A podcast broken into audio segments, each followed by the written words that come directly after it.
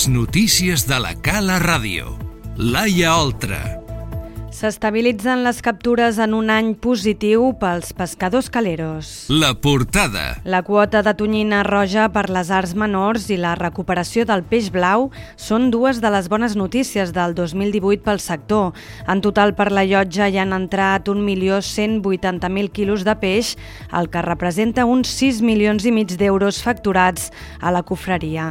Daniel Rodríguez. La quota per pescar tonyina roja es va obrir a les flotes artesanals l'any passat coincidint amb amb la fi del pla de recuperació. 18 embarcacions d'arts menors caleres van ser autoritzades per poder capturar fins a 260 quilos cadascuna. El patró major de la confraria de pescadors, Miquel Brull, apunta que de cara al 2019 seria una quota comuna. L'any 2018 vam aconseguir ser una pesca dirigida, això vol dir que ja som pescadors de tonyina, que, podem, que tenim, almenys podem parlar de la tonyina, i ara jo crec que el que s'ha aconseguit al 2019, de cara al 2019, crec que també és important, perquè han passat de, de tindre fa falta aprovar-ho del tot, però jo em penso que això ja, ja està mig fet, de tindre un, uns quilos per bar, que ja serà tota una bossa conjunta pels arts menors, que hi han, hi han més quilos que l'any passat, i això també jo crec que comportarà que se n'agafin més i que la, i que la barca o l'empresa que s'hi vulgui dedicar pues, s'hi podrà dedicar més, més contínuament. Jo crec que en el tema de la tonyina estem avançant. Sí que a vegades representa que avancem poc, però hem de, hem de pensar que és un tema molt, molt complicat, però crec que als últims 4 o 5 anys hem avançat més del que ens pensàvem. Jo crec que des de la cofradia eh, de la Mella estem molt contents. També és veritat que som de les cofradies i això és un, és un agraïment als, als pescadors, als arts menors, que gràcies a ells hem sigut una de les cofradies que hem lluitat més, n'hem agafat més i per tant som una de les cofradies que, que ens sentim identificades en, en, en tot aquest tema. Els pescadors ara estan a l'espera de diversos plans de cogestió, com el del polp roquer, capturat amb nances i cadups, per fer encara més sostenible la pesquera. De fet, Brulla explica que el de la cala ja és un port pioner en aplicar mesures per protegir l'espècie i afavorir la seva reproducció a la costa del golf de Sant Jordi i al delta de l'Ebre. El que s'ha aconseguit amb el polp, que és, que és eh, treure un polp de qualitat, amb pes i, i, en, i molt bé de preu, que això continua i, i pugui gestionar d'una manera d'una manera sostenible per a, que, per a que hi hagi pulpa a la mar i que ens pugui guanyar la vida.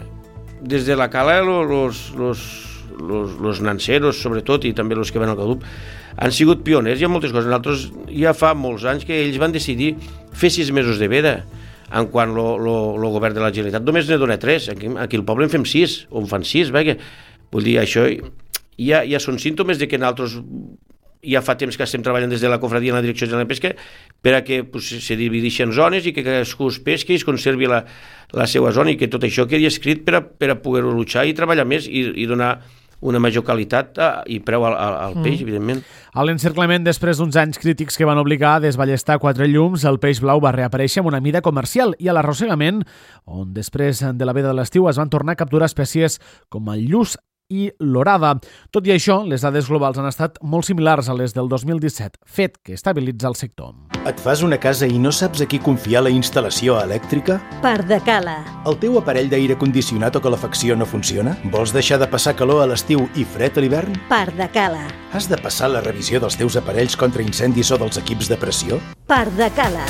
Instal·lacions Pardacala tot en electricitat, fontaneria, calefacció, aire condicionat, gas i energies renovables. I ara, projectes elèctrics i legalitzacions. Estem al teu servei al carrer Lluís Company 5 de l'Ametlla de Mar. El nostre telèfon és el 977 45 76 92. Instal·lacions Parc de Cala. Garantia de professionalitat. Més temes. La plataforma marítima del projecte Castor podria convertir-se en una benzinera, en un punt de subministrament de combustible a embarcacions alta mar o per la recàrrega de metaners. Compromís ha preguntat al govern espanyol si preveu alguna d'aquestes opcions per evitar el desmantellament de les instal·lacions. La formació del País Valencià assegura que ha tingut coneixement que l'administració estatal podria estar barallant algunes d'aquestes alternatives de reconversió. La inamovible indefinició mostrada pel Ministeri per a la Transició Ecològica sobre el desmantellament de les instal·lacions reforçaria aquesta tesi.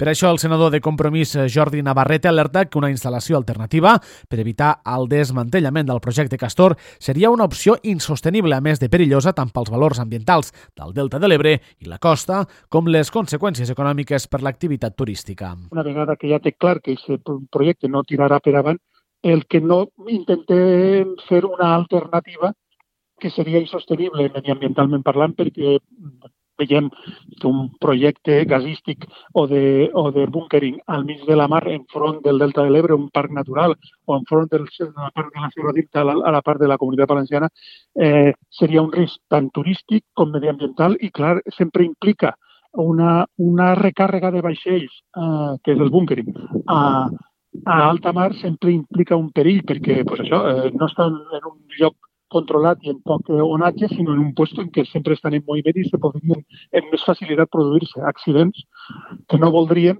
però que implicarien de seguida una contaminació ambiental tant al Delta de l'Ebre com, a, com al Parc de la Serra d'Irta i una evident afecció al turisme, per exemple. Veurem, veurem quin impacte podria tenir aquest nou ús que es vol donar al castor en un delta de l'Ebre, que per cert està inclòs dins d'un dels diaris més prestigiosos d'Europa, el britànic The Guardian, com una de les destinacions, les millors destinacions turístiques mundials de l'any passat.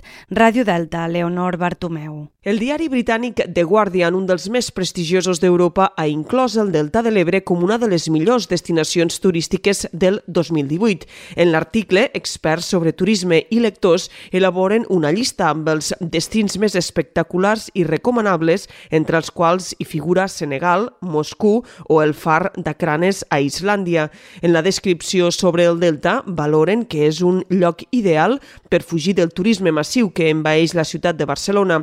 Puntuen també molt alt l'entorn natural, així com la fauna local i l'opció, diuen, molt divertida de poder recórrer el delta amb bicicleta. També destaquen destaquen la producció del sake kensho, que és dels pocs a Europa que es produeix amb arròs local i que es fa al Delta, i la degustació gastronòmica d'ostres. Els esports. I en esports, el Club Bàsquet l'Ametlla de Mar inicia aquest dissabte la segona fase de la competició provincial de la Federació Catalana de Bàsquet. Començaran a casa el poliesportiu municipal Galatet i el seu rival serà el Reus Deportiu Sub-25. El partit es jugarà a les 5 de la tarda. Els galeros cal recordar que es van classificar en una meritòria quarta posició a la fase prèvia, empatats a punts amb el tercer classificat. En aquesta segona fase estan ubicats al grup 14, que correspon als equips que van quedar entre la onzena i la 18a posició territorial. Albert Samarra és el president del club. Nosaltres ja estàvem, ja estàvem mentalitzats de que segurament entraríem dintre d'aquesta lligueta, que estarien els tercers i quarts del grup, del qual estem molt contents perquè el que no volem, i menys el primer any, és eh, que a cada partit ens, ens toqui un equip fort.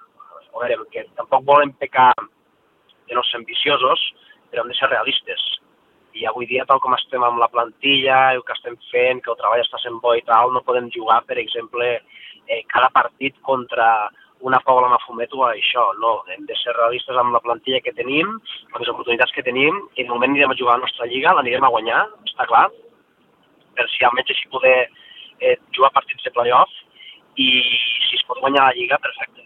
Intentarem ja, doncs, eh, fer un bons entrenos i, i que el Galepet sigui eh, una olla a pressió que la gent ens vingui a veure i guanyar els partits del Galetet i plantar cara. Perquè creiem que tenim una plantilla que podem fer coses, coses bones, podem treballar bé, però és sempre des de la prudència i de saber d'on venim. A més del Reus Deportiu Sub-25, també integren el grup dels calerós al Morell B, el Constantí B, el Comarruga, l'Arbós Negre, l'Arbós Taronja i el Bàsquet Carme. Aquesta segona fase es disputarà a doble volta i s'allargarà fins al 19 de maig. L'actualitat segueix a la cala rtb.cat.